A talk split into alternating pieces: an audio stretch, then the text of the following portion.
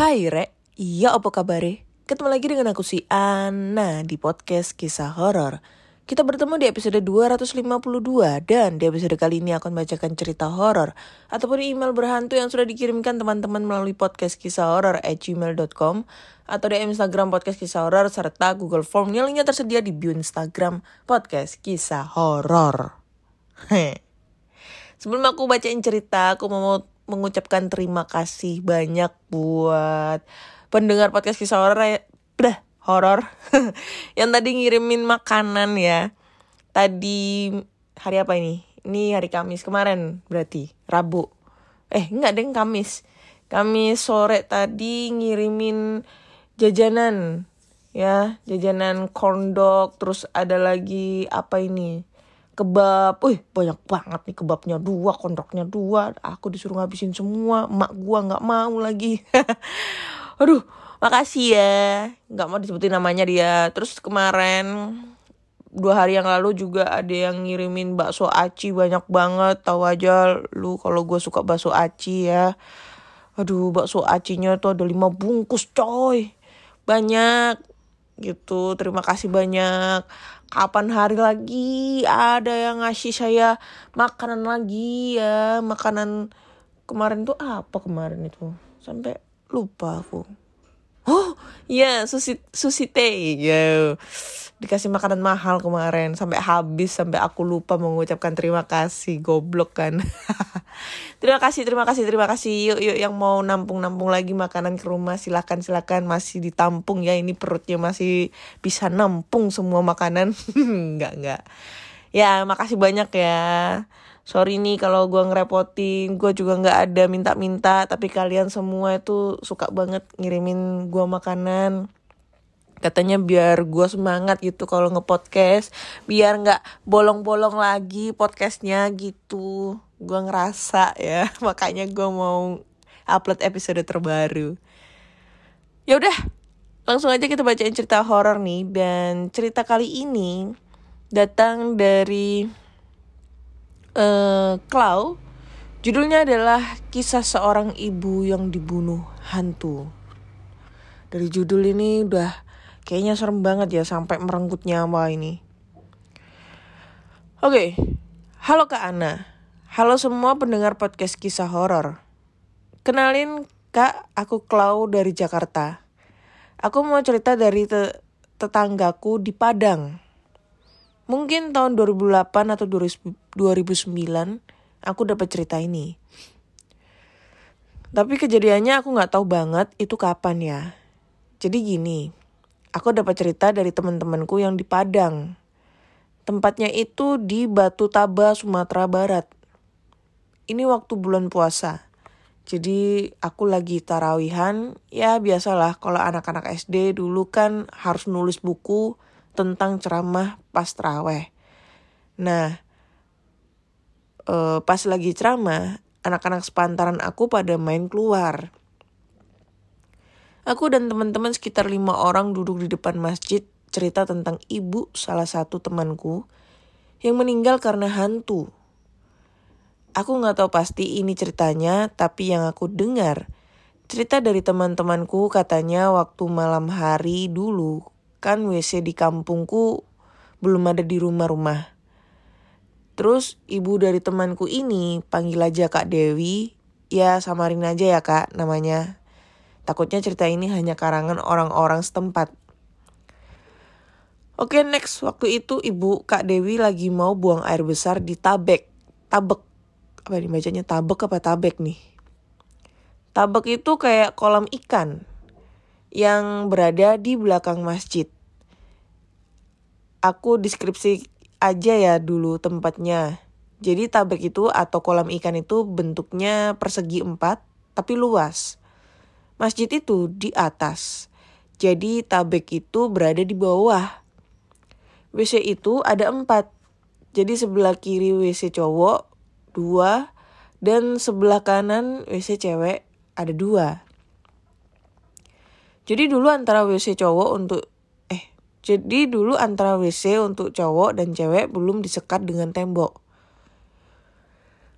Pas lagi ibu Kak Dewi itu sedang buang air besar, Katanya beliau mendengar suara langkah kaki yang bolak-balik. Terus beliau bilang ke orang di depan, Siap tuh. Artinya siapa tuh? Tidak ada jawaban dari orang di, tu di depan. Terus beliau bilang lagi, di samping kosong tuh, di samping aja.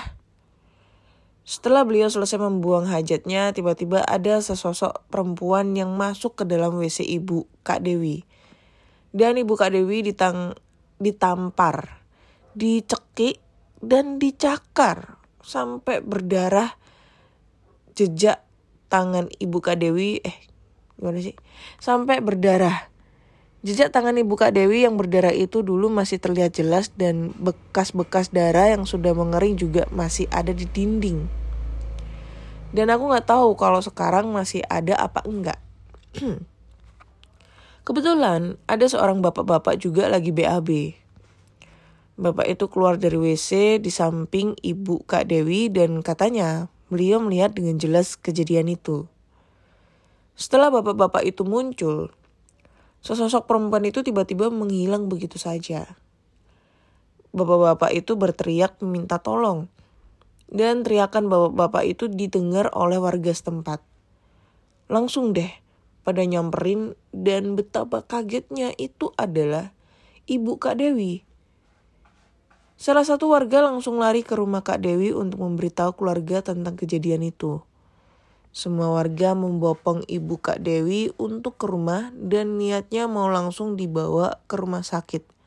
Tapi sayangnya ibu Kak Dewi tidak bisa diselamatkan. Nafas terakhir ibu Kak Dewi itu pas digotong oleh warga. Jadi setelah aku mendengar cerita dari teman-temanku kemudian aku dan teman-temanku masuk ke masjid karena aku dipanggil sama Mak Wo atau Bibi. Aku berjalan ke arah jendela ujung.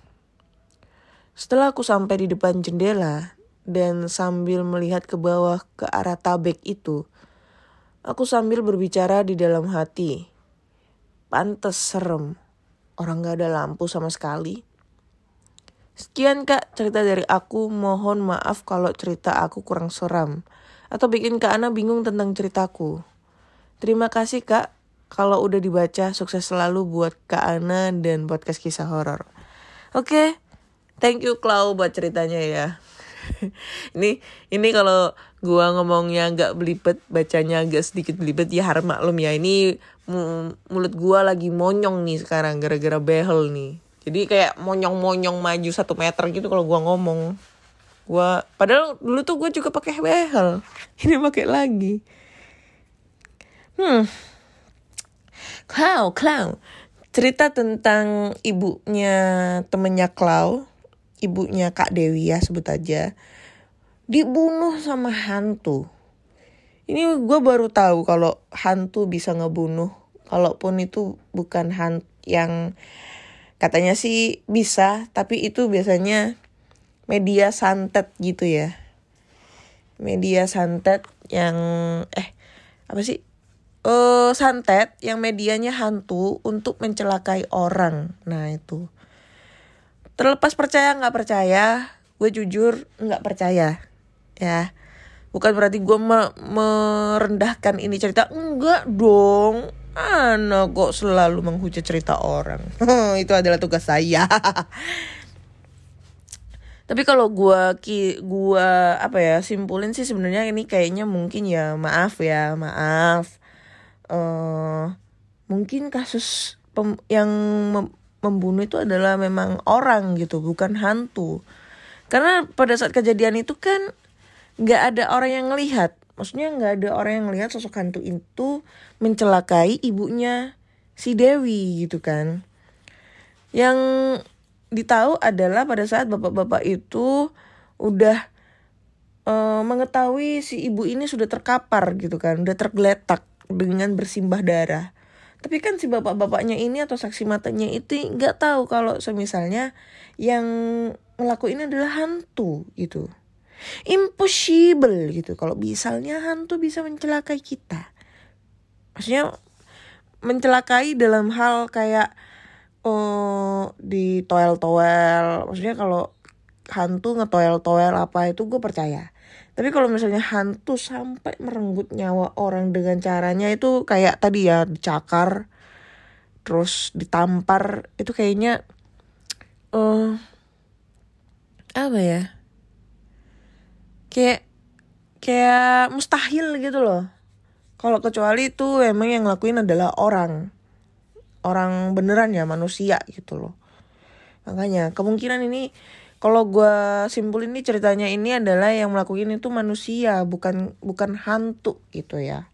Tapi terlepas itu semua uh, eh, gue mengucapkan belasungkawa juga ya buat mamanya kak Dewi mamanya Dewi ya semoga arwah uh, beliau amal ibadahnya diterima di sisi Allah gitu. Ya? Oke lanjut kita ke cerita berikutnya.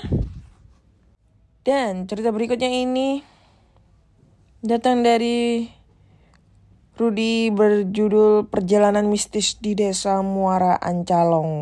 Wah. Muara Ancalong itu di mana ya Muara Ancalong ini? Oke. Okay. Hai Kak Ana, langsung aja kita ke ceritanya ya. Jadi di tahun 2016 silam, saya pernah single touring menuju Samarinda melewati jalan HTI. Perusahaan kayu PT Surya titik titik titik. Lupa lebih tepatnya kak. Lintas Kabupaten Kukar Kutim melewati jalan perkebunan perumahan perkebunan perusahaan sawit versus jalan HTI. 9 jam nonstop hingga simpang 4 desa si Sabin Tulung. Saya ambil waktu itu siang agar mudah menghafal jalan. Di tengah jalan poros PT SSS desa Maancalong, saya di stop seorang bapak mau menumpang pulang. Awalnya saya ragu mau bawa, tapi akhirnya saya bawa aja lah. Sekalian bisa tanya-tanya jalan dan saya boncenglah dia. Banyak sekali saya bertanya kepada bapak ini arah menuju Samarinda. Karena memang saya baru pertama kali lewat jalan ini. Dan dia memberitahu jalur-jalurnya. Hampir sejam kemudian tibalah kami di desa Muara Ancalong. Kami stop di depan rumah yang cukup besar, tapi si bapak menunjuk ke rumah yang belum jadi dan agak kecil. Itu rumah saya, katanya. Terima kasih banyak, semoga selamat sampai tujuan, sambung bapak tadi. Amin, sama-sama pak, sahut saya. Saya pun meneruskan perjalanan melewati jembatan besi. Dan di sinilah saya mulai merasakan sesuatu yang ganjil pada jembatan besi desa Maancalong. Ada sedikit hawa negatif saat melintas. Terlebih sama pohon besar yang tumbuh di simpang tiga desa Ngayau dengan benua baru. Tapi saya tidak mau menanggapinya karena saya baru kali ini melintas di sini dan tidak mau terjadi apa-apa. Saya cukup permisi hormat saja. Di perjalanan berikutnya untuk yang kedua kalinya saya melintas lagi jalan ini menuju Samarinda. Kali ini waktu sore. Dan tidak ada orang yang ikut bonceng. Bahkan tempat hutan di mana si bapak menyetop saya pun lupa di mana.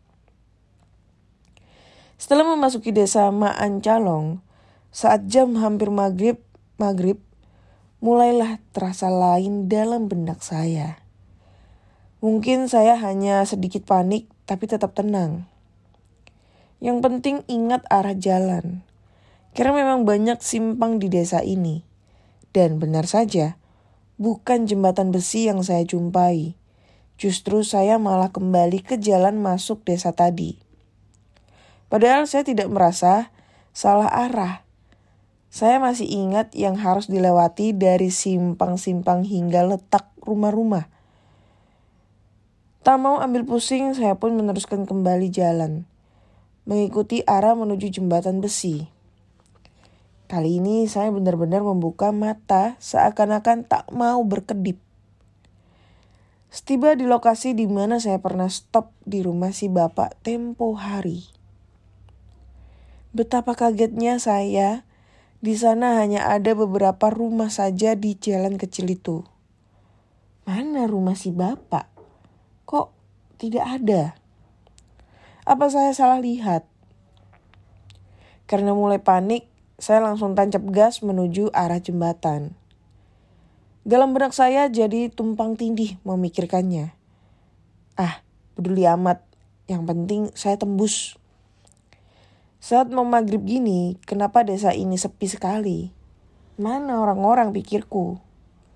Semua rumah pada tutup pintu, padahal masih terang.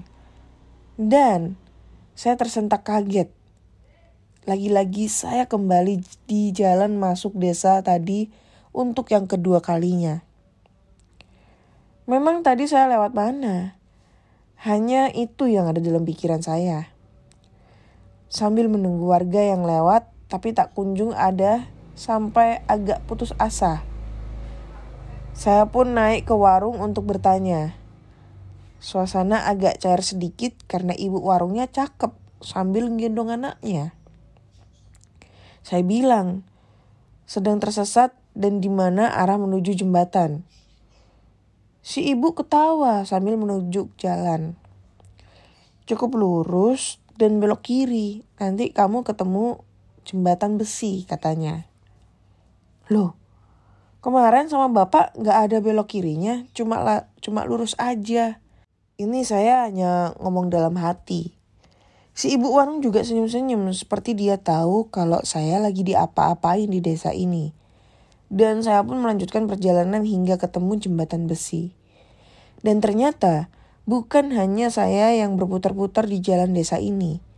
Ayah tiri saya pun sempat berputar-putar mencari jalan keluar dari desa Maan Calong ini saat servis sepeda motor. Malah kembali lagi ke tempat servis. Sekian. Mohon maaf jika ceritanya kurang seram, Kak. Thank you Rudy buat ceritanya. Hmm. Kalimantan, Samarinda. Ya, itu udah nggak jadi rahasia umum lagi kalau emang di daerah sana itu. Apa ya? Udah terkenal dengan sejuta mistisnya. Gudangnya gudangnya cerita horor itu menurutku tuh ada di Kalimantan. Kenapa gue bisa bilang kayak gitu? Karena 9 eh kok 90 persen? 70 persen ya. Dari episode 1 sampai sekarang kebanyakan itu cerita horornya itu dari Kalimantan jadi gue kayak mikir kenapa ya? Di Kalimantan itu banyak banget dengan cerita-cerita horornya. Apalagi Pontianak. Ya Pontianak. Kita tahu nih asal usul nama Pontianak itu dari mana. Dan kebanyakan di Pontianak itu banyak banget kuntilanaknya. Katanya seperti itu. Sampai ada yang namanya apa tuh kemarin? Bukit ya? Bukit atau apa gitu yang di sana itu full banyak kuntilanak. Misalnya sih kuntilanak buangan gitu kan. Ya pokoknya banyak cerita mistis lah. Kalau di Kalimantan itu kita nggak ini nggak memungkiri hal seperti itu. Nih gue agak-agak fokus nih. Banyak suara burung yang berkicau. Ini padahal jam berapa anjay? Gue lagi gak konsen nih kalau burung-burung tetangga ini pada ngoceh mulu tengah malam nih yang penting bukan burung yang atunya ya. Oke, okay, next kita lanjut ke cerita terakhir ya. Dan cerita terakhir ini berjudul pendakian gunung ke Jawa Tengah. Nah lo, gunung nih. Kita udah lama nggak ngebaca cerita tentang gunung ya. Oke, okay. waktu itu saya kebetulan ada acara di sekolah. Karena sekolah saya ini terdiri dari beberapa siswa-siswi Jadinya kita kayak bikin gathering tahunan gitu untuk liburan. Nah kebetulan lokasi dan tema acara itu ke gunung dengan konsep camping. Jujur saya belum pernah namanya naik gunung. Jadi ini pengalaman pertama saya. Kita semua berangkat dari Bandara Suta uh, penerbangan pukul 3 sore. Sampai bandara di Jogja kurang lebih pukul 4 sorean lah. Lalu perjalanan ke lokasi kira-kira 4 jam perjalanan naik bus.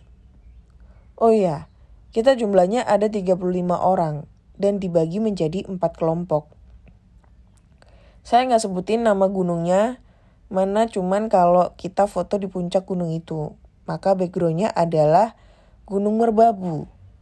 Jadi silahkan ditebak-tebak ya. Ketinggian puncak adalah 200, eh, 2900 mdpl. Itu ya klunya ya.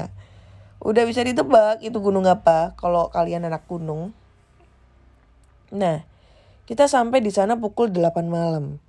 Di mana sebelumnya ngelewatin daerah yang jam 7 aja udah sepi. Terus kanan kiri persawahan, tapi gelap banget. Nah di sini nih udah mulai perasaan gak enaknya. Seakan-akan rame banget tuh yang ngeliatin dari arah persawahan ke bus kita. Padahal mah gelap banget. Ditambah suasana waktu itu hujan agak deras.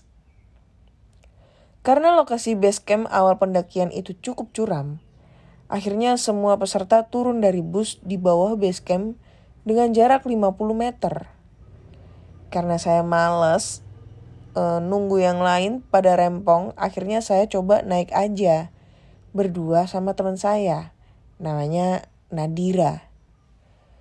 Pas lagi naik menuju base camp, kan engap tuh, karena nggak biasa olahraga. Akhirnya saya ditinggalin sama dia. Saya ngaso deh tuh di pinggiran tembok tanjakan. Pas lagi nepi sambil bakar rokok, saya nyium kayak bau daun janur yang udah lama ditimbun. Jadinya kayak apek-apek anyir gitu. Saya coba nyari ini baunya dari mana. Karena remang-remang saya coba intip-intip tuh bolongan tembok. Pas saya coba ngintip, kaki saya langsung lemes. Ternyata di balik tembok itu penuh dengan makam plus pohon beringin gede-gede banget. Saya langsung ngacir ke atas ngejar temen gue. Gak jauh gue ngeliat temen gue ini juga diem aja. Berdiri ngadep ke arah gue. Di mana posisi dia kan pasti lebih tinggi dari gue. Ya karena tanjakan. Pas saya sampai di tempat dia, saya juga ikutan ngelongok dia, ngeliatin apaan. Buset, dari atas lebih jelas lagi. Hamparan makam yang hanya dibatasin tembok banyak banget. Pohon-pohon gede juga banyak. Yang bikin serem tuh makam kuno yang pinggiran makam dikasih kayak kayu-kayu gitu.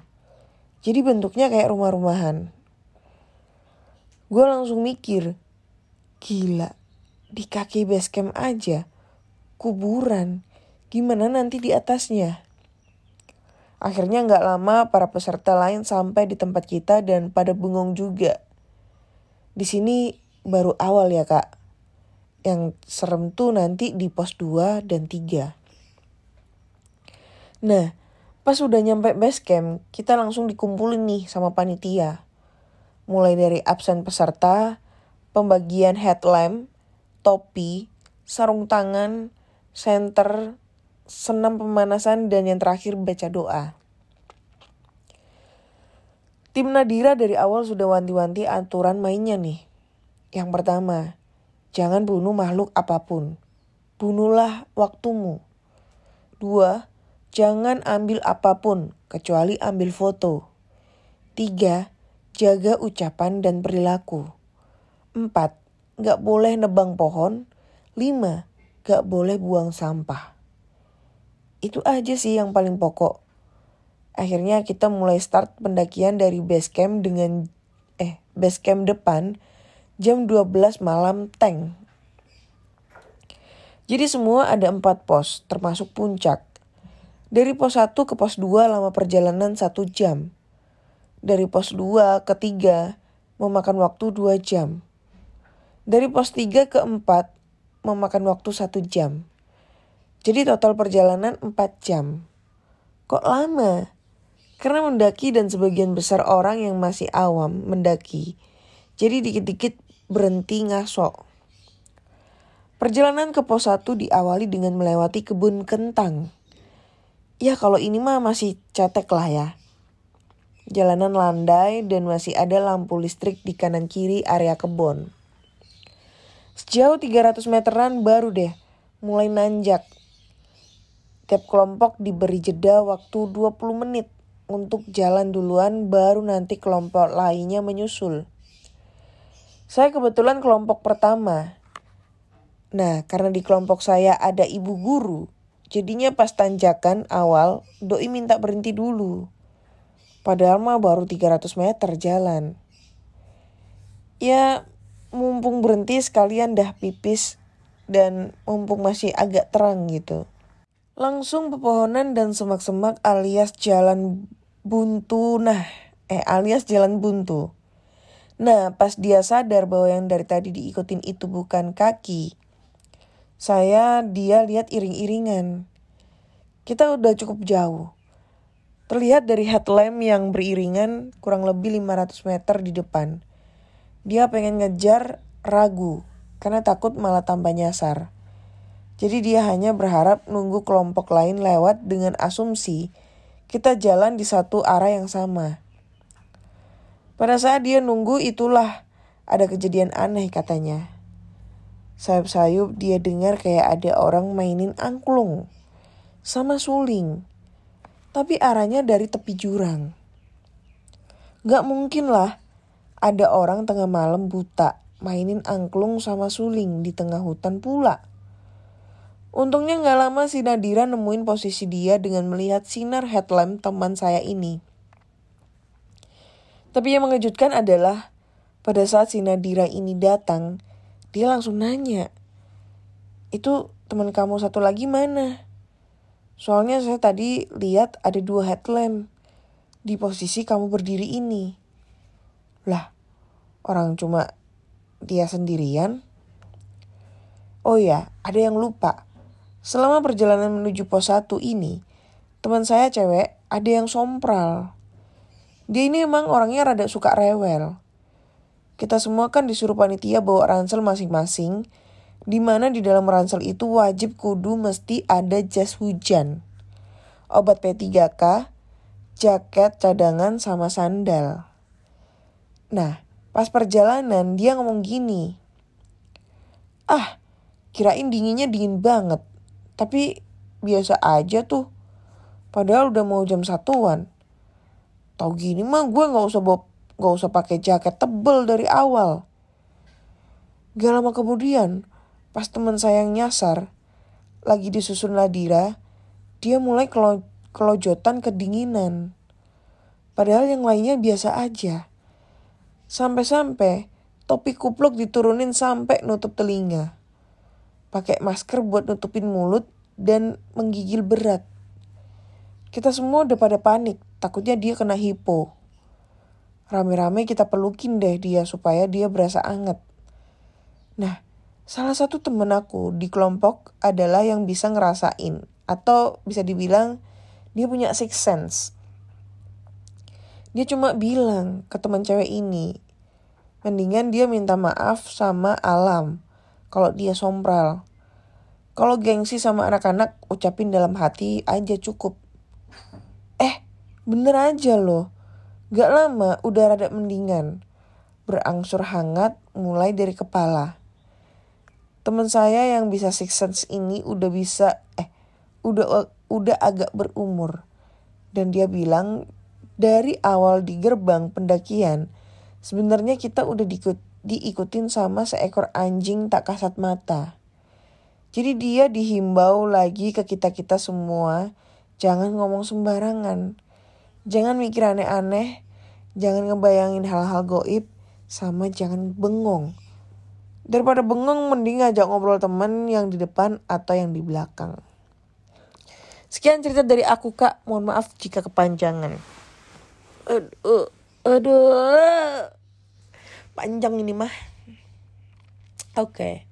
cerita tentang pendakian gunung gue udah lama banget gak terima tentang cerita pendakian gunung dan kali ini gue dapat walaupun gak begitu serem maksudnya ceritanya itu gue kayak tadinya gue ngebayangin kayak ketemu pasar goib apa segala macam Tapi ini enggak ya, cuma dalam hal gangguan-gangguan yang gara-gara si temennya ini agak sompral atau mungkin dia nyasar dan lain-lain tapi yang nggak ngebuat kejadian yang sangat fatal banget gitu ya.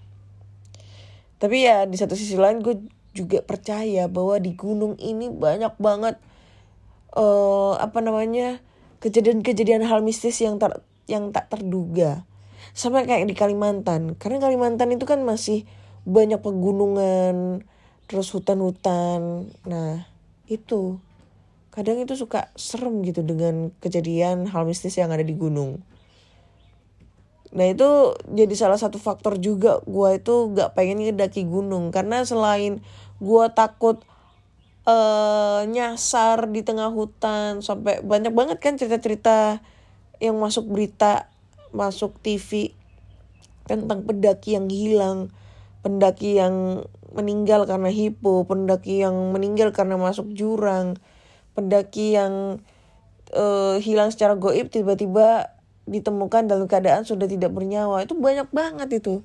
Itu gue takut jujur gue takut. Tapi di satu sisi lain gue itu juga gampang capek gitu kan.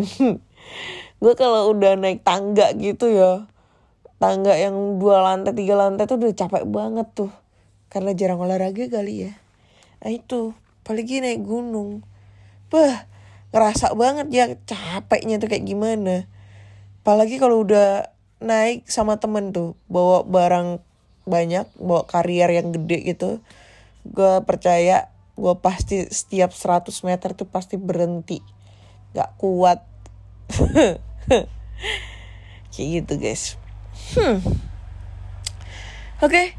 Kayaknya cukup sekian dulu di episode kali ini karena gue banyak banget gangguan-gangguan motor lewat, gangguan suara burung berkicau dan lain-lain ya. So buat temen-temen semua kalau kalian punya cerita-cerita horor nih, kalian bisa langsung aja kirim ceritanya ke podcast kisah gmail.com atau di Instagram podcast kisah horror. Tapi kayaknya kalau di DM itu jarang banget gue baca takut lupa jadi langsung aja ke email aja ya atau di Google Form yang linknya tersedia di bio Instagram podcast kisah horor. Lalu nih, gue juga mau ngomong, gue tuh rencana pengen nginep di hotel yang ter yang katanya dibilang angker. Ini dari dulu nih, dari tahun kemarin nih gue wacana mulu ya. Tahun berapa tuh 2021 atau 2022 tuh aku lupa itu ya. Jadi ini kayaknya kemungkinan insya Allah Sabtu besok nih ya. Sabtu besok gue bakal nginep di sana.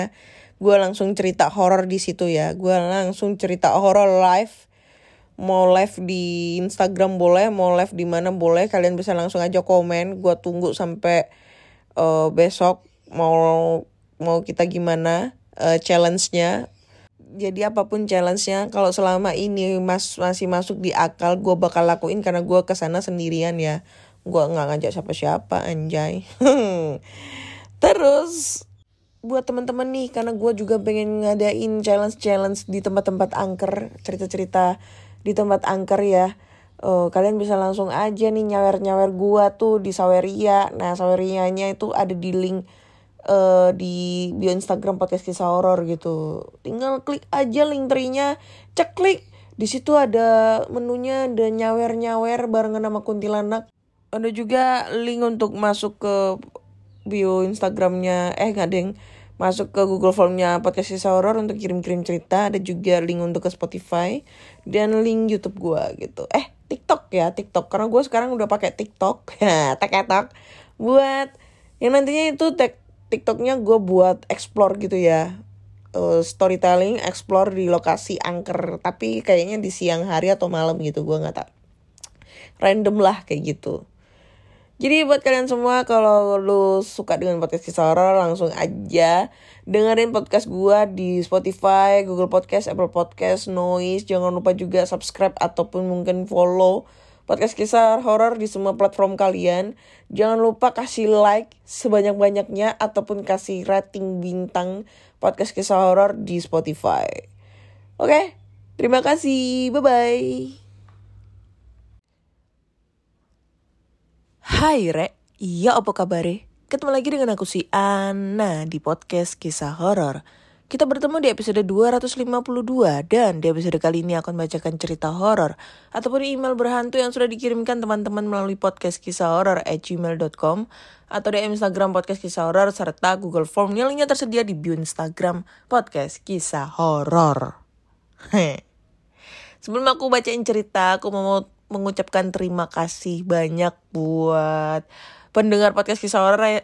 Dah, horor. Yang tadi ngirimin makanan ya. Tadi hari apa ini? Ini hari Kamis kemarin berarti. Rabu. Eh enggak deng Kamis. Kamis sore tadi ngirimin jajanan ya. Jajanan corn dog terus ada lagi apa ini kebab, wih banyak banget nih kebabnya. Dua, kondoknya dua, aku disuruh ngabisin semua, emak gua nggak mau lagi, aduh makasih ya.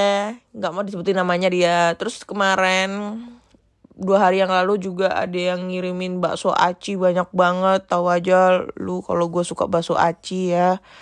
Aduh bakso acinya tuh ada lima bungkus coy. Banyak. Gitu terima kasih banyak kapan hari lagi ada yang ngasih saya makanan lagi ya? Makanan kemarin tuh apa kemarin itu? Sampai lupa aku. Oh iya sushi sushi teh ya dikasih makanan mahal kemarin. Sampai habis sampai aku lupa mengucapkan terima kasih. Goblok kan. Terima kasih terima kasih terima kasih. Yuk yuk yang mau nampung nampung lagi makanan ke rumah silakan silakan. Masih ditampung ya ini perutnya masih bisa nampung semua makanan.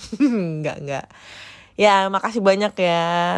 Sorry nih kalau gue ngerepotin. Gue juga nggak ada minta-minta tapi kalian semua itu suka banget ngirimin gue makanan katanya biar gue semangat gitu kalau ngepodcast biar nggak bolong-bolong lagi podcastnya gitu. Gue ngerasa ya makanya gue mau upload episode terbaru. Ya udah langsung aja kita bacain cerita horor nih dan cerita kali ini datang dari uh, judulnya adalah kisah seorang ibu yang dibunuh hantu. Dari judul ini udah kayaknya serem banget ya sampai merenggut nyawa ini oke okay. halo Kak Ana halo semua pendengar podcast kisah horor kenalin Kak aku Clau dari Jakarta aku mau cerita dari te tetanggaku di Padang Mungkin tahun 2008 atau 2009 aku dapat cerita ini. Tapi kejadiannya aku nggak tahu banget itu kapan ya. Jadi gini, aku dapat cerita dari teman-temanku yang di Padang. Tempatnya itu di Batu Taba, Sumatera Barat. Ini waktu bulan puasa. Jadi aku lagi tarawihan, ya biasalah kalau anak-anak SD dulu kan harus nulis buku tentang ceramah pas teraweh. Nah, uh, pas lagi ceramah, anak-anak sepantaran aku pada main keluar. Aku dan teman-teman sekitar lima orang duduk di depan masjid cerita tentang ibu salah satu temanku yang meninggal karena hantu. Aku nggak tahu pasti ini ceritanya, tapi yang aku dengar cerita dari teman-temanku katanya waktu malam hari dulu kan WC di kampungku belum ada di rumah-rumah. Terus ibu dari temanku ini panggil aja Kak Dewi, ya samarin aja ya Kak namanya. Takutnya cerita ini hanya karangan orang-orang setempat. Oke next, waktu itu ibu Kak Dewi lagi mau buang air besar di tabek. Tabek, apa ini bacanya tabek apa tabek nih? Tabek itu kayak kolam ikan yang berada di belakang masjid. Aku deskripsi aja ya dulu tempatnya. Jadi tabek itu atau kolam ikan itu bentuknya persegi empat tapi luas. Masjid itu di atas. Jadi tabek itu berada di bawah. WC itu ada empat. Jadi sebelah kiri WC cowok dua dan sebelah kanan WC cewek ada dua. Jadi dulu antara WC cowok untuk eh jadi dulu antara WC untuk cowok dan cewek belum disekat dengan tembok. Pas lagi ibu Kak Dewi itu sedang buang air besar, katanya beliau mendengar suara langkah kaki yang bolak-balik. Terus beliau bilang ke orang di depan, siap tuh. Artinya siapa tuh? Tidak ada jawaban dari orang di, tu di depan. Terus beliau bilang lagi, di samping kosong tuh, di samping aja. Setelah beliau selesai membuang hajatnya, tiba-tiba ada sesosok perempuan yang masuk ke dalam WC ibu Kak Dewi. Dan ibu Kak Dewi ditang ditampar dicekik dan dicakar sampai berdarah jejak tangan ibu Kak Dewi eh gimana sih? Sampai berdarah. Jejak tangan ibu Kak Dewi yang berdarah itu dulu masih terlihat jelas dan bekas-bekas darah yang sudah mengering juga masih ada di dinding dan aku nggak tahu kalau sekarang masih ada apa enggak kebetulan ada seorang bapak-bapak juga lagi BAB Bapak itu keluar dari WC di samping ibu Kak Dewi dan katanya beliau melihat dengan jelas kejadian itu. Setelah bapak-bapak itu muncul, sesosok perempuan itu tiba-tiba menghilang begitu saja. Bapak-bapak itu berteriak meminta tolong. Dan teriakan bapak-bapak itu didengar oleh warga setempat. Langsung deh pada nyamperin dan betapa kagetnya itu adalah ibu Kak Dewi Salah satu warga langsung lari ke rumah Kak Dewi untuk memberitahu keluarga tentang kejadian itu.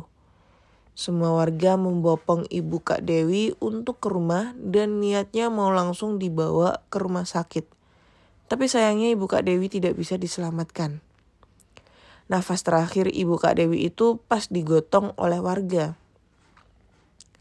Jadi setelah aku mendengar cerita dari teman-temanku kemudian aku dan teman-temanku masuk ke masjid karena aku dipanggil sama Mak Wo atau Bibi. Aku berjalan ke arah jendela ujung. Setelah aku sampai di depan jendela dan sambil melihat ke bawah ke arah tabek itu, aku sambil berbicara di dalam hati. Pantes serem, orang gak ada lampu sama sekali. Sekian kak cerita dari aku, mohon maaf kalau cerita aku kurang seram. Atau bikin kak Ana bingung tentang ceritaku. Terima kasih kak, kalau udah dibaca sukses selalu buat kak Ana dan podcast kisah horor. Oke, okay. thank you Klau buat ceritanya ya. ini ini kalau gua ngomongnya agak belibet, bacanya agak sedikit belibet ya harap maklum ya. Ini mulut gua lagi monyong nih sekarang gara-gara behel nih. Jadi kayak monyong-monyong maju satu meter gitu kalau gua ngomong. Gua padahal dulu tuh gue juga pakai behel. Ini pakai lagi. Hmm. Clow, Clow. Cerita tentang ibunya temennya Clow, ibunya Kak Dewi ya sebut aja, dibunuh sama hantu. Ini gue baru tahu kalau hantu bisa ngebunuh, kalaupun itu bukan hantu yang Katanya sih bisa, tapi itu biasanya media santet gitu ya. Media santet yang eh apa sih? Uh, santet yang medianya hantu untuk mencelakai orang. Nah, itu. Terlepas percaya nggak percaya, gue jujur nggak percaya. Ya. Bukan berarti gue me merendahkan ini cerita. Enggak dong Ana kok selalu menghujat cerita orang. itu adalah tugas saya. Tapi kalau gua ki gua apa ya simpulin sih sebenarnya ini kayaknya mungkin ya maaf ya maaf. Uh, mungkin kasus pem yang mem membunuh itu adalah memang orang gitu bukan hantu. Karena pada saat kejadian itu kan nggak ada orang yang ngelihat. Maksudnya nggak ada orang yang melihat sosok hantu itu mencelakai ibunya si Dewi gitu kan.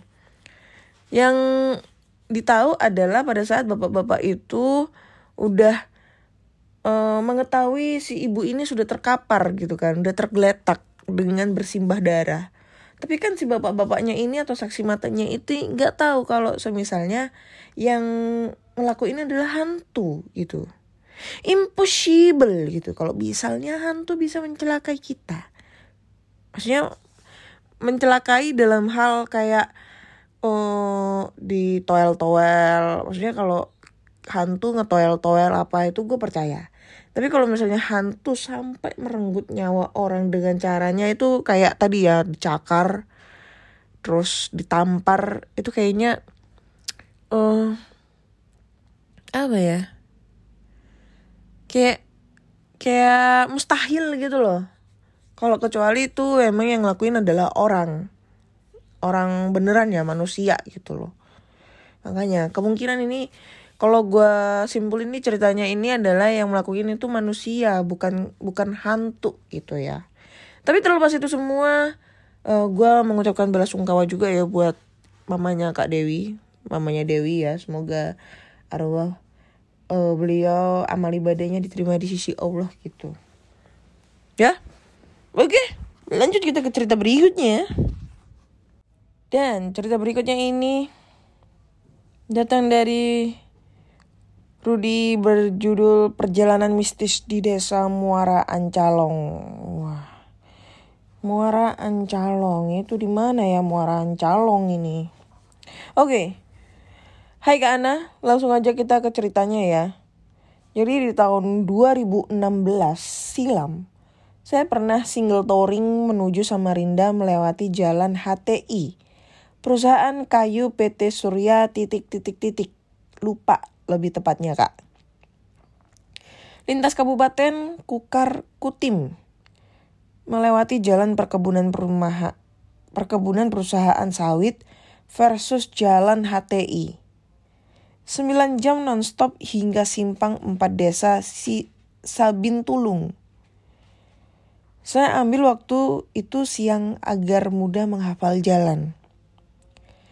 Di tengah jalan poros PT SSS desa Maancalong, saya di stop seorang bapak mau menumpang pulang. Awalnya saya ragu mau bawa, tapi akhirnya saya bawa aja lah. Sekalian bisa tanya-tanya jalan dan saya boncenglah dia. Banyak sekali saya bertanya kepada bapak ini arah menuju Samarinda. Karena memang saya baru pertama kali lewat jalan ini. Dan dia memberitahu jalur-jalurnya. Hampir sejam kemudian tibalah kami di desa Muara Ancalong. Kami stop di depan rumah yang cukup besar, tapi si bapak menunjuk ke rumah yang belum jadi dan agak kecil. Itu rumah saya, katanya. Terima kasih banyak, semoga selamat sampai tujuan, sambung bapak tadi. Amin, sama-sama pak, sahut saya. Saya pun meneruskan perjalanan melewati jembatan besi. Dan di sinilah saya mulai merasakan sesuatu yang ganjil pada jembatan besi desa Ma Ancalong. Ada sedikit hawa negatif saat melintas. Terlebih sama pohon besar yang tumbuh di simpang tiga desa Ngayau dengan benua baru. Tapi saya tidak mau menanggapinya karena saya baru kali ini melintas di sini dan tidak mau terjadi apa-apa. Saya cukup permisi hormat saja. Di perjalanan berikutnya untuk yang kedua kalinya saya melintas lagi jalan ini menuju Samarinda. Kali ini waktu sore. Dan tidak ada orang yang ikut bonceng. Bahkan tempat hutan di mana si bapak menyetop saya pun lupa di mana. Setelah memasuki desa Maancalong, saat jam hampir maghrib, maghrib, mulailah terasa lain dalam benak saya. Mungkin saya hanya sedikit panik, tapi tetap tenang. Yang penting ingat arah jalan, karena memang banyak simpang di desa ini. Dan benar saja, bukan jembatan besi yang saya jumpai. Justru saya malah kembali ke jalan masuk desa tadi. Padahal saya tidak merasa salah arah. Saya masih ingat yang harus dilewati dari simpang-simpang hingga letak rumah-rumah. Tak mau ambil pusing, saya pun meneruskan kembali jalan. Mengikuti arah menuju jembatan besi. Kali ini saya benar-benar membuka mata seakan-akan tak mau berkedip. Setiba di lokasi di mana saya pernah stop di rumah si bapak tempo hari. Betapa kagetnya saya, di sana hanya ada beberapa rumah saja di jalan kecil itu. Mana rumah si bapak? Tidak ada? Apa saya salah lihat? Karena mulai panik, saya langsung tancap gas menuju arah jembatan. Dalam benak saya jadi tumpang tindih memikirkannya. Ah, peduli amat. Yang penting saya tembus. Saat mau maghrib gini, kenapa desa ini sepi sekali? Mana orang-orang pikirku? Semua rumah pada tutup pintu, padahal masih terang. Dan saya tersentak kaget. Lagi-lagi saya kembali di jalan masuk desa tadi untuk yang kedua kalinya. Memang tadi saya lewat mana? Hanya itu yang ada dalam pikiran saya. Sambil menunggu warga yang lewat, tapi tak kunjung ada sampai agak putus asa. Saya pun naik ke warung untuk bertanya.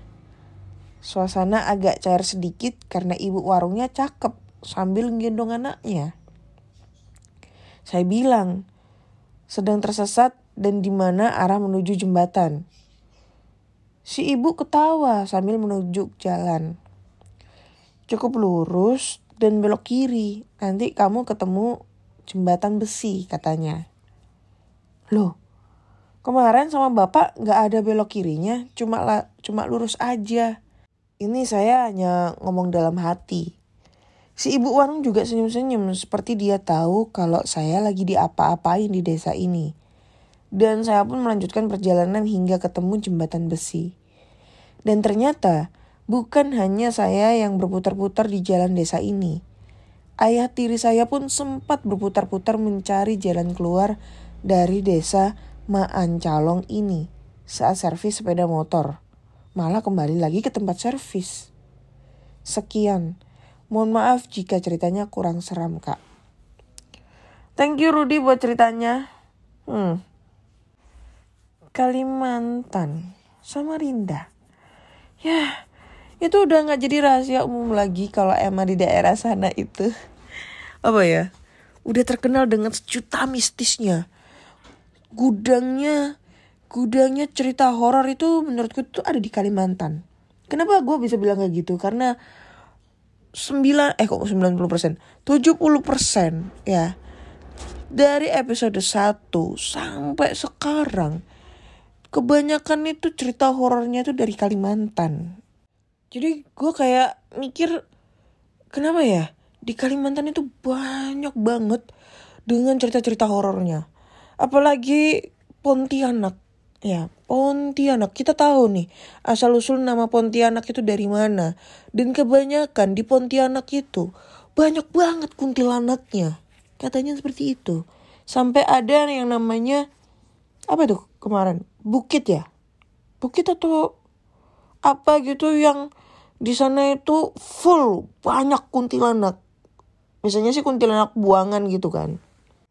Ya pokoknya banyak cerita mistis lah. Kalau di Kalimantan itu kita nggak ini nggak memungkiri hal seperti itu. Nih gue agak gak fokus nih.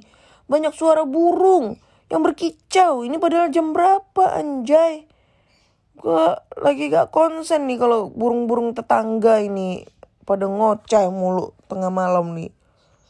Yang penting bukan burung yang atunya ya. Oke okay, next kita lanjut ke cerita terakhir ya dan cerita terakhir ini berjudul Pendakian Gunung ke Jawa Tengah. Nah lo, gunung nih. Kita udah lama nggak ngebaca cerita tentang gunung ya. Oke, waktu itu saya kebetulan ada acara di sekolah. Karena sekolah saya ini terdiri dari beberapa siswa-siswi. Jadinya kita kayak bikin gathering tahunan gitu untuk liburan. Nah kebetulan lokasi dan tema acara itu ke gunung dengan konsep camping. Jujur saya belum pernah namanya naik gunung. Jadi ini pengalaman pertama saya. Kita semua berangkat dari Bandara Suta uh, penerbangan pukul 3 sore. Sampai bandara di Jogja kurang lebih pukul 4 sorean lah. Lalu perjalanan ke lokasi kira-kira 4 jam perjalanan naik bus. Oh iya, kita jumlahnya ada 35 orang dan dibagi menjadi empat kelompok. Saya nggak sebutin nama gunungnya, mana cuman kalau kita foto di puncak gunung itu. Maka backgroundnya adalah Gunung Merbabu. Jadi silahkan ditebak-tebak ya. Ketinggian puncak adalah 200, eh, 2900 mdpl. Itu ya klunya ya. Udah bisa ditebak itu gunung apa kalau kalian anak gunung. Nah, kita sampai di sana pukul 8 malam. Di mana sebelumnya ngelewatin daerah yang jam 7 aja udah sepi. Terus kanan kiri persawahan, tapi gelap banget.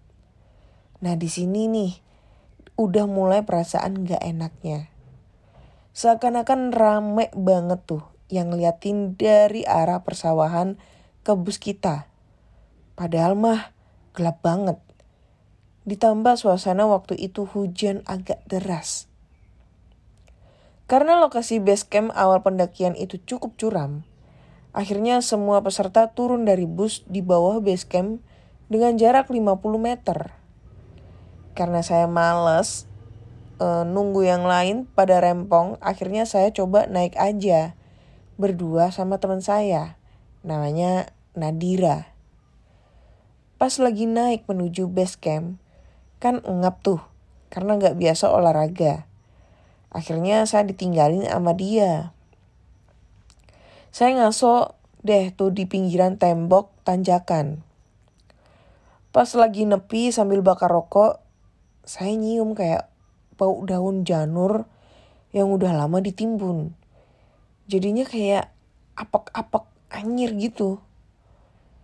Saya coba nyari ini baunya dari mana. Karena remang-remang saya coba intip-intip tuh bolongan tembok. Pas saya coba ngintip, kaki saya langsung lemes. Ternyata di balik tembok itu penuh dengan makam plus pohon beringin gede-gede banget. Saya langsung ngacir ke atas ngejar temen gue. Gak jauh gue ngeliat temen gue ini juga diem aja. Berdiri ngadep ke arah gue di mana posisi dia kan pasti lebih tinggi dari gua. Ya karena tanjakan. Pas saya sampai di tempat dia, saya juga ikutan ngelongok dia, ngeliatin apaan. Buset, dari atas lebih jelas lagi. Hamparan makam yang hanya dibatasin tembok banyak banget. Pohon-pohon gede juga banyak. Yang bikin serem tuh makam kuno yang pinggiran makam dikasih kayak kayu-kayu gitu. Jadi bentuknya kayak rumah-rumahan. Gue langsung mikir, gila, di kaki base camp aja, kuburan, gimana nanti di atasnya? Akhirnya nggak lama para peserta lain sampai di tempat kita dan pada bengong juga. Di sini baru awal ya kak yang serem tuh nanti di pos 2 dan 3. Nah, pas udah nyampe base camp, kita langsung dikumpulin nih sama panitia. Mulai dari absen peserta, pembagian headlamp, topi, sarung tangan, center, senam pemanasan, dan yang terakhir baca doa. Tim Nadira dari awal sudah wanti-wanti aturan mainnya nih. Yang pertama, Jangan bunuh makhluk apa pun. Bunuhlah waktumu. Dua, jangan ambil apa pun kecuali ambil foto. Tiga, jaga ucapan dan perilaku. Empat, gak boleh nebang pohon. Lima, gak boleh buang sampah. Itu aja sih yang paling pokok. Akhirnya kita mulai start pendakian dari base camp dengan eh base camp depan jam 12 malam tank. Jadi semua ada empat pos, termasuk puncak. Dari pos 1 ke pos 2 lama perjalanan 1 jam. Dari pos 2 ke 3 memakan waktu 2 jam. Dari pos 3 ke 4 memakan waktu 1 jam. Jadi total perjalanan 4 jam. Kok lama? Karena mendaki dan sebagian besar orang yang masih awam mendaki. Jadi dikit-dikit berhenti ngaso. Perjalanan ke pos 1 diawali dengan melewati kebun kentang. Ya kalau ini mah masih cetek lah ya. Jalanan landai dan masih ada lampu listrik di kanan kiri area kebun. Sejauh 300 meteran baru deh mulai nanjak. Tiap kelompok diberi jeda waktu 20 menit untuk jalan duluan baru nanti kelompok lainnya menyusul. Saya kebetulan kelompok pertama. Nah, karena di kelompok saya ada ibu guru, jadinya pas tanjakan awal doi minta berhenti dulu. Padahal mah baru 300 meter jalan. Ya, mumpung berhenti sekalian dah pipis dan mumpung masih agak terang gitu. Langsung pepohonan dan semak-semak alias jalan buntu. Nah, eh alias jalan buntu. Nah, pas dia sadar bahwa yang dari tadi diikutin itu bukan kaki, saya dia lihat iring-iringan. Kita udah cukup jauh. Terlihat dari headlamp yang beriringan kurang lebih 500 meter di depan. Dia pengen ngejar ragu karena takut malah tambah nyasar. Jadi dia hanya berharap nunggu kelompok lain lewat dengan asumsi kita jalan di satu arah yang sama. Pada saat dia nunggu itulah ada kejadian aneh katanya. Sayup-sayup dia dengar kayak ada orang mainin angklung sama suling tapi arahnya dari tepi jurang. Gak mungkin lah ada orang tengah malam buta mainin angklung sama suling di tengah hutan pula. Untungnya gak lama si Nadira nemuin posisi dia dengan melihat sinar headlamp teman saya ini. Tapi yang mengejutkan adalah pada saat si Nadira ini datang, dia langsung nanya, itu teman kamu satu lagi mana? Soalnya saya tadi lihat ada dua headlamp di posisi kamu berdiri ini. Lah, orang cuma dia sendirian. Oh ya, ada yang lupa. Selama perjalanan menuju pos 1 ini, teman saya cewek ada yang sompral. Dia ini emang orangnya rada suka rewel. Kita semua kan disuruh panitia bawa ransel masing-masing di mana di dalam ransel itu wajib kudu mesti ada jas hujan, obat P3K, jaket cadangan sama sandal. Nah, pas perjalanan dia ngomong gini. Ah, kirain dinginnya dingin banget. Tapi biasa aja tuh. Padahal udah mau jam satuan. Tau gini mah gue gak usah bawa, gak usah pakai jaket tebel dari awal. Gak lama kemudian, Pas teman saya yang nyasar, lagi disusun Ladira, dia mulai kelo kelojotan kedinginan. Padahal yang lainnya biasa aja. Sampai-sampai topi kupluk diturunin sampai nutup telinga. Pakai masker buat nutupin mulut dan menggigil berat. Kita semua udah pada panik, takutnya dia kena hipo. Rame-rame kita pelukin deh dia supaya dia berasa anget. Nah, Salah satu temen aku di kelompok adalah yang bisa ngerasain atau bisa dibilang dia punya six sense. Dia cuma bilang ke teman cewek ini, mendingan dia minta maaf sama alam kalau dia sombral. Kalau gengsi sama anak-anak ucapin dalam hati aja cukup. Bener aja loh. Gak lama udah rada mendingan. Berangsur hangat mulai dari kepala teman saya yang bisa six sense ini udah bisa eh udah udah agak berumur dan dia bilang dari awal di gerbang pendakian sebenarnya kita udah diikut, diikutin sama seekor anjing tak kasat mata. Jadi dia dihimbau lagi ke kita-kita semua, jangan ngomong sembarangan. Jangan mikir aneh-aneh, jangan ngebayangin hal-hal goib, sama jangan bengong. Daripada bengong mending ngajak ngobrol temen yang di depan atau yang di belakang. Sekian cerita dari aku kak, mohon maaf jika kepanjangan. Aduh, aduh, panjang ini mah. Oke, okay. cerita tentang pendakian gunung. Gue udah lama banget gak terima tentang cerita pendakian gunung dan kali ini gue dapat walaupun gak begitu serem. Maksudnya ceritanya itu gue kayak tadinya gue ngebayangin kayak ketemu pasar goib apa segala macam tapi ini enggak ya cuma dalam hal gangguan-gangguan yang gara-gara si temennya ini agak sompral atau mungkin dia nyasar dan lain-lain tapi yang nggak ngebuat kejadian yang sangat fatal banget gitu ya tapi ya di satu sisi lain gue juga percaya bahwa di gunung ini banyak banget uh, apa namanya kejadian-kejadian hal mistis yang ter, yang tak terduga. Sama kayak di Kalimantan. Karena Kalimantan itu kan masih banyak pegunungan terus hutan-hutan. Nah itu. Kadang itu suka serem gitu dengan kejadian hal mistis yang ada di gunung nah itu jadi salah satu faktor juga gue itu gak pengen ngedaki gunung. Karena selain gue takut uh, nyasar di tengah hutan sampai banyak banget kan cerita-cerita yang masuk berita masuk TV tentang pendaki yang hilang pendaki yang meninggal karena hipo, pendaki yang meninggal karena masuk jurang, pendaki yang uh, hilang secara goib tiba-tiba ditemukan dalam keadaan sudah tidak bernyawa. Itu banyak banget itu. Itu gue takut jujur gue takut. Tapi di satu sisi lain gue itu juga gampang capek gitu kan. Gue kalau udah naik tangga gitu ya tangga yang dua lantai tiga lantai tuh udah capek banget tuh. Karena jarang olahraga kali ya. Nah itu. Apalagi naik gunung. Bah ngerasa banget ya capeknya tuh kayak gimana. Apalagi kalau udah naik sama temen tuh bawa barang banyak bawa karier yang gede gitu. Gue percaya gue pasti setiap 100 meter tuh pasti berhenti. Gak kuat. Kayak gitu guys. Hmm.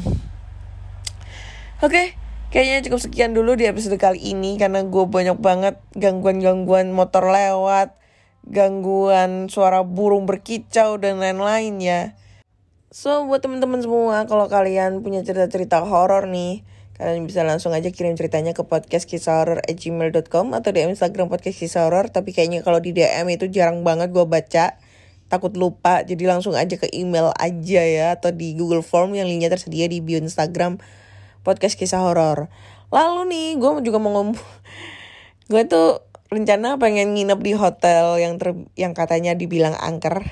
Ini dari dulu nih, dari tahun kemarin nih gue wacana mulu ya. Tahun berapa tuh 2021 atau 2022 tuh aku lupa itu ya. Jadi ini kayaknya kemungkinan insya Allah Sabtu besok nih ya. Sabtu besok gue bakal nginep di sana. Gue langsung cerita horor di situ ya. Gue langsung cerita horor live mau live di Instagram boleh, mau live di mana boleh. Kalian bisa langsung aja komen. Gua tunggu sampai uh, besok mau mau kita gimana uh, challenge-nya. Jadi apa pun challenge-nya, kalau selama ini mas masih masuk di akal, gue bakal lakuin karena gue ke sana sendirian ya. Gue nggak ngajak siapa-siapa, anjay. Terus buat teman-teman nih, karena gue juga pengen ngadain challenge-challenge di tempat-tempat angker, cerita-cerita di tempat angker ya uh, kalian bisa langsung aja nih nyawer-nyawer gua tuh di Saweria. Nah, Sawerianya itu ada di link uh, di bio Instagram podcast kisah horor gitu. Tinggal klik aja link trinya, cek klik. Di situ ada menunya ada nyawer-nyawer barengan sama kuntilanak. Ada juga link untuk masuk ke bio Instagramnya eh nggak deng masuk ke Google Formnya podcast kisah horor untuk kirim-kirim cerita ada juga link untuk ke Spotify dan link YouTube gue gitu. Eh TikTok ya TikTok. Karena gue sekarang udah pakai TikTok. TikTok buat yang nantinya itu TikToknya gue buat explore gitu ya. Uh, storytelling explore di lokasi angker. Tapi kayaknya di siang hari atau malam gitu gue nggak tahu. Random lah kayak gitu. Jadi buat kalian semua kalau lu suka dengan podcast kisah horor langsung aja dengerin podcast gua di Spotify, Google Podcast, Apple Podcast, Noise. Jangan lupa juga subscribe ataupun mungkin follow podcast kisah horor di semua platform kalian. Jangan lupa kasih like sebanyak-banyaknya ataupun kasih rating bintang podcast kisah horor di Spotify. Oke, terima kasih. Bye bye.